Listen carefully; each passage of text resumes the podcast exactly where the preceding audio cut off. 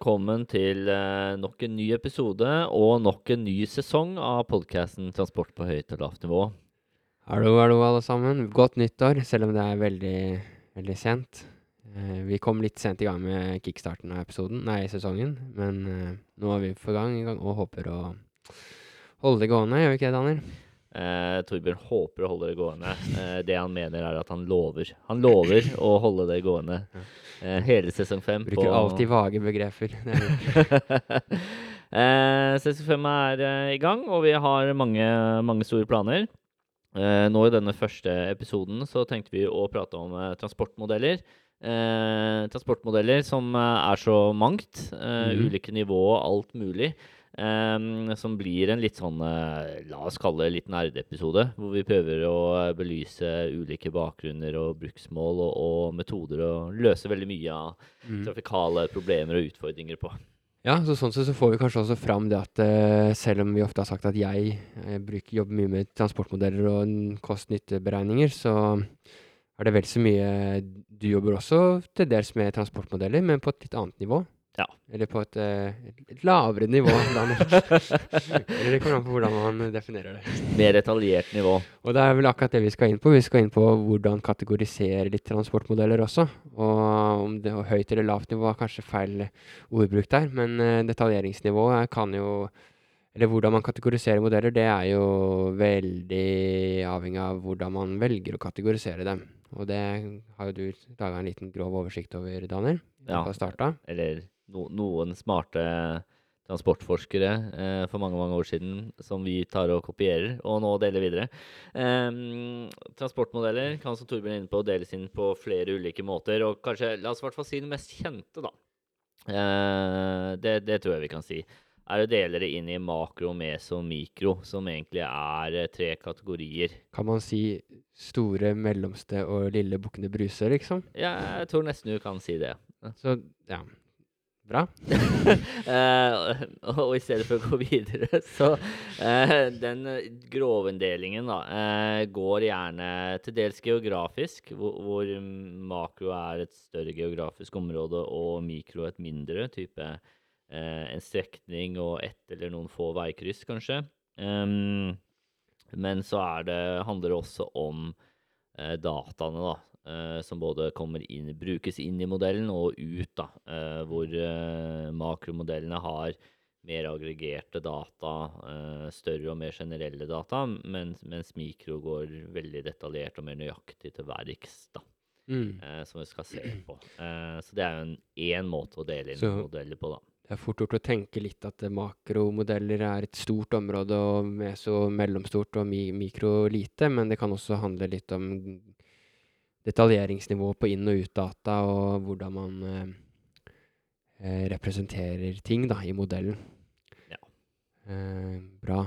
Og um, det er andre måter selvfølgelig også å kategorisere det inn under kanskje underkategorier av en makromodell og en meso- Ja. og mikromodell, selvfølgelig. Absolutt. Uh, så vi skal prøve å nå videre presentere de ulike nivåene og modellene og måter å gjøre ting på her, da. Um, både gjort litt historisk og som gjøres nå. Um, og, og vi går løs på makro. Er litt mer sånn overordna først, før vi dypdykker i mikro etter hvert. Ja, og så må vi jo si det at den der glidende overgangen mellom makro til meso, og kanskje fra meso til mikro, den, den er litt sånn flytende, kanskje. Så meso blir en sånn Eller det er kanskje farlig å si det òg, men det Nei, blir jeg vil, jeg vil si den ikke er litt flytende, Torbjørn. Jeg vil si den er veldig flytende. ja, så likvid som bare det. Eh, ja. eh, veldig, eh, jeg vil påstå at eh, mellomnivået meso er relativt udefinert. Og det er bare en glidende overgang som egentlig ingen har klart å fastsette.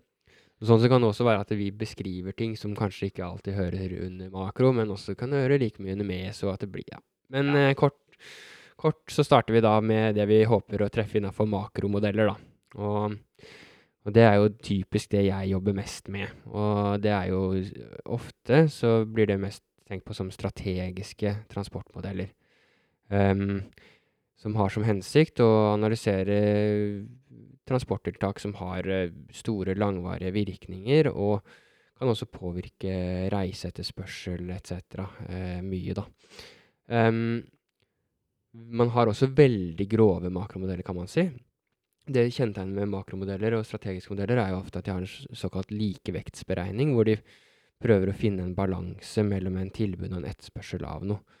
Um, for eksempel så kan en godsmodell i transportmodellverden eh, prøve å finne en økono en økonomisk balanse eller en samfunnsøkonomisk balanse mellom tilbud og etterspørsel, og så deretter beregne hvordan godsstrømmer beveger seg utover i landet. Så det er en veldig grov eh, transportmodell, kan du si, eller transportmodellsystem.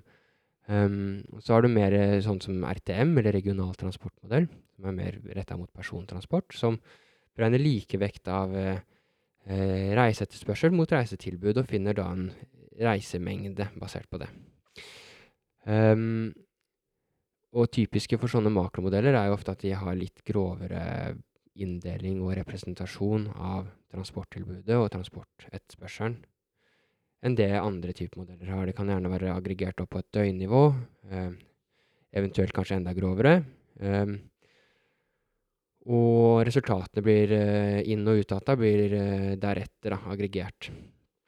Um, men det skal sies at det er mye, mye forskning og undersøkelser og studier av ulike typer modeller på dette nivået her. Og det er også mul umulig å kategorisere makromodeller etter hvordan de beregner etterspørsel og utgangspunktet for tankegangen rundt reiseetterspørsel. Da. Um, da er vi inne på dette med sånne typiske makromodellene, eller de typiske eh, strategiske modellene. De er ofte bygd opp etter den såkalte firetrinnsmetodikken, da. Som betyr at en modell er bygd opp av fire, totalt fire steg, kort forklart. Og, og disse mm, stegene beregnes uavhengig av hverandre, på en måte. Eh, på sett og vis. Og da starter man først med å se på en stor eh, en aggregert befolkning, og hvordan denne befolkningen i en sone, da, f.eks. Eh, eh, produserer et visst antall turer, basert på RVU-data, f.eks. RVU. Eh, reisevanundersøkelsesdata, på hvor ja. um, hvor, um, uh, hvor mange reiser en, en, eh, en befolknings, befolkningsgruppe i en viss kommune produserer, da. Mm. Så beregner den det i sammenheng med et ti- transporttilbud. da. Ja, det er innsamla data, da. Innsamla data og aggregert opp på sonestruktur. Ja. Og så deretter så beregner en sånn strategisk modell et reisemål, og så en reisemiddelvalg og et rutevalg for disse reisene. Så det er en standard metodikken å liksom se på RVU hvordan, hvordan produseres turer ut fra en viss type befolkningsgruppe. Men så er det også en annen ny måte å tenke litt på transportmodeller og etterspørselsberegning av. Det er såkalt at du tenker at bakgrunnen for reiseetterspørsel, det er at du skal få utført en, en rek rekke aktiviteter i løpet av en dag, da. Så reisene kommer som følge av en aktivitet du skal få utført, og så kan man da beregne at du skal rekke å dra på jobb, og du skal dra på treningssenter, og du skal besøke en venn etter, etter dette, og så skal du hjem, f.eks. Og da, man, da tar man utgangspunkt i den aktivitetsplanen, og så beregner man etterspørsel basert på det. Eh, Så det er en litt annen måte å tenke på. Så det, det er også en måte å skille strategiske modeller, eller eh, også da begynner å nærme deg en sånn dynamisk modell, da, som det heter. Det her ble veldig raskt og grovt og kanskje komplisert forklart. Eller hva Men- tenker du, Daniel? Men det som er en viktig nyanse her, da, er jo når bruker man de ulike modellene? For hva, hva, hva gir de, på en måte, for oss trafikkingeniører, da? Eh, hvis vi ka- inkluderer Mm. samfunnsøkonomer og sånn i begrepet trafikkingeniør. Ja. Nei, altså nå tenker jeg litt sånn Hvis man ser på makro slash kanskje meso-perspektiv, da, så vil en sånn typisk eh, standard eh, metodikk, sånn firetrinnsmetodikk, være kunne være egna i Eller er veldig godt egna på store regionale prosjekter over eh, landområder. Eh, mens eh, mer hvor det er Hvor det er et enklere enklere transportsystem, men det kan f.eks. være i en by og et byområde hvor det er kanskje større behov for å detaljere både inn- og utdata og resultater på et helt annet nivå. Ja. Hvor det kanskje kan være aktuelt å se mer på såkalte aktivitetsbaserte modeller, da, når man skal regne på etterspørsel også. Men, men noen brukes jo f.eks. For, for å estimere forventa vekst i trafikken, altså hvor mye mer eller mindre reiser vi med ulike transportmodeller. Én uh, ting er hvilken modell som passer for det, mens andre modeller brukes for å vurdere hvilken veistrekning, da, når man har flere alternativer i prosjekt, hvilken veilinje er best. Uh, og også noen brukes mer for å vurdere løsning, tunnel kontra ferje f.eks. Så hvilke ulike modeller passer til det ulike formålet der? Nei, altså det, det, tror jeg er veldig sånn prosjektavhengig igjen. Du kan jo Vi bruker jo i dag eh, strategiske modeller, eller RTM, da, til å regne på varianter av et prosjekt også. Eh, altså du har et stort prosjekt som går over på tvers av regioner, eller kanskje på tvers av kommuner i hvert fall. Og, um, og regn, bruker da en strategisk modell da, som er relativt grov i forbindelse med det, men også da i forbindelse med varianter av denne nye prosjektet, da, for å se hvilke som slår best. Det handler nok vel så mye om hvilke resultater du ønsker å, å få frem, og hvor detaljert du ønsker å se på resultatene. Ja. Eh, er du interessert i kapasiteten i et område? Er du interessert i å modellere eh, ulike teknologier, som hvordan det kan påvirke ting, sånn som for eksempel eh, selvkjørende biler eller eh, eh, mer app-basert mobilitet, eller at du sånn mobility as a service-type ting. Uh, at det er da du må begynne å diskutere hvilke modeller som er egna uh, å bruke også. Mm. Og hva slags resultater du skal se på, hvor, hvor, hvor, detaljert. En svakhet med sånne firetrinnsmodeller er jo nettopp det at det er aggregert opp på befolkningsnivå, så du får aldri de detaljerte dataene per individ, f.eks. Som en mer dynamisk modell kanskje kan forsøke å eh, ofte, Oftere forsøker å modellere per individ, eller fiktivt individ, da. Mm. Men, men, en essensiell forskjell da, mellom de ulike modellene på makronivå er jo det med inn- og utdata.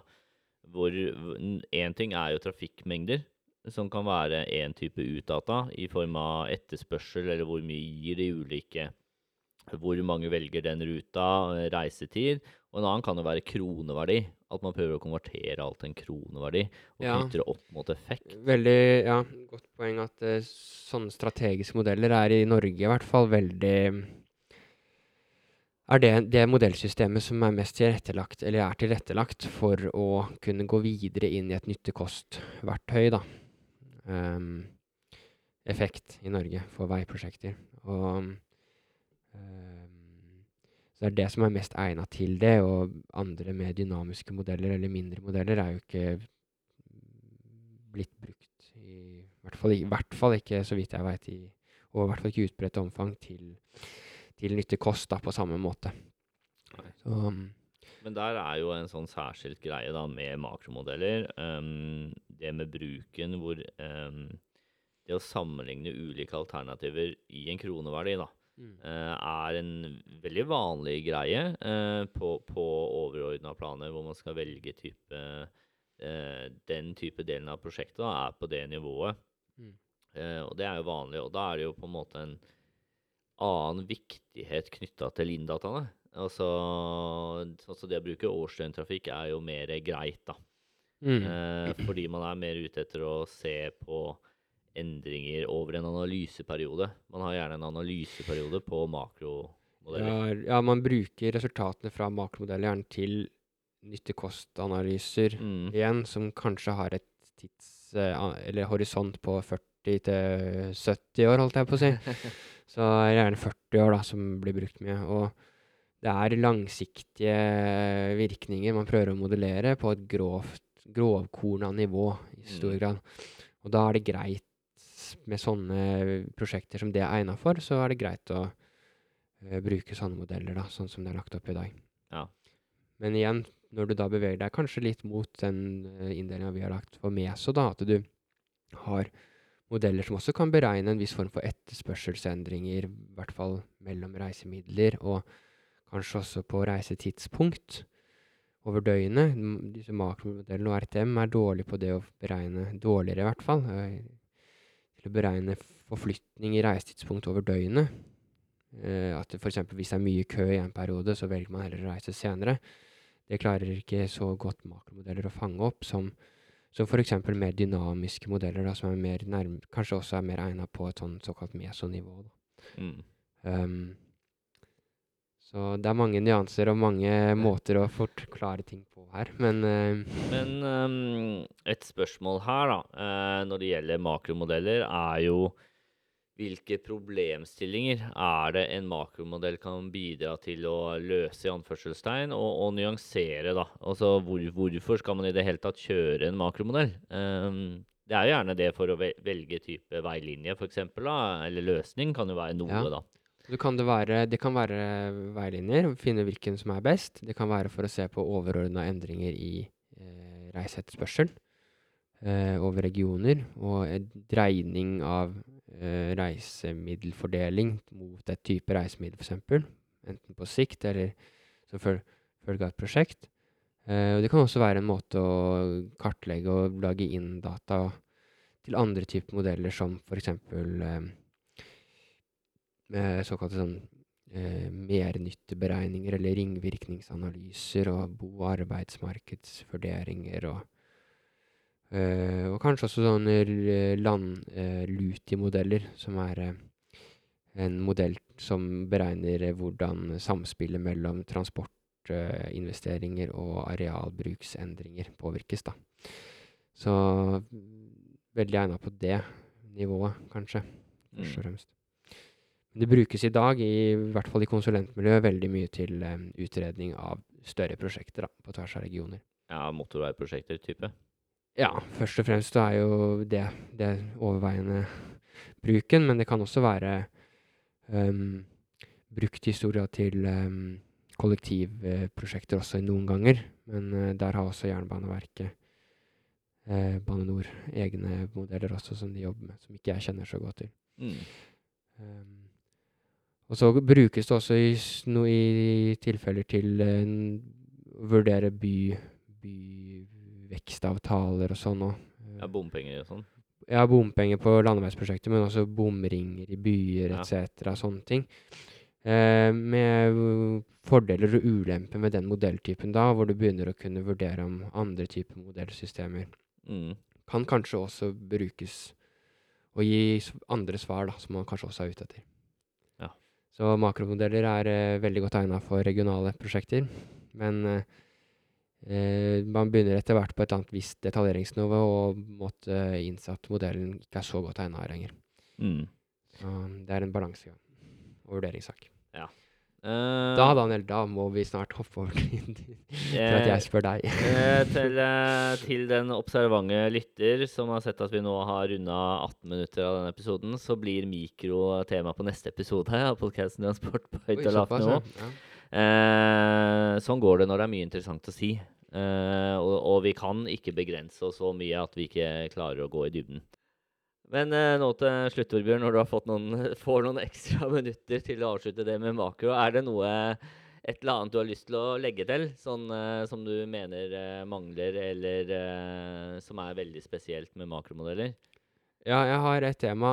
Um, eh, et, et tema til. Nei da. Uh, det er mye man kan snakke om. Og jeg vil bare si det at uh, først og fremst så disse skillene og disse kategoriseringene jeg har snakka om nå, så har det fort uh, kunne gli litt inn i andre modelltyper også, nærmere mikro, som vi får ta senere også. Bare Ja, så det er sagt. Men en eh, en ting som gjerne blir eh, poengtert av eh, mange, spesielt beslutningstagere, da, som skal bruke resultatene fra makromodeller, dette er dette med usikkerhet, eh, som er en stor diskusjon.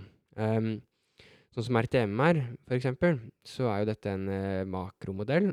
Uh, den er strategisk, og den er eh, til dels litt såkalt statisk, altså den, den er ikke så lett å variere på, men den er det som man kaller for deterministisk, i den forstand at den beregner lik resultat for hver gang du kjører modellen med samme input-data.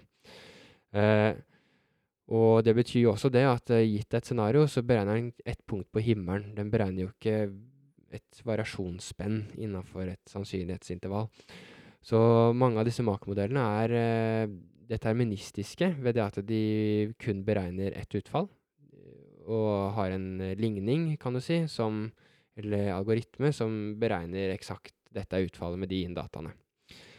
Um, IRTM kan jo for så vidt si at det er beregna gjerne med, gjennom reisekostnadsberegning, da, eller algoritme.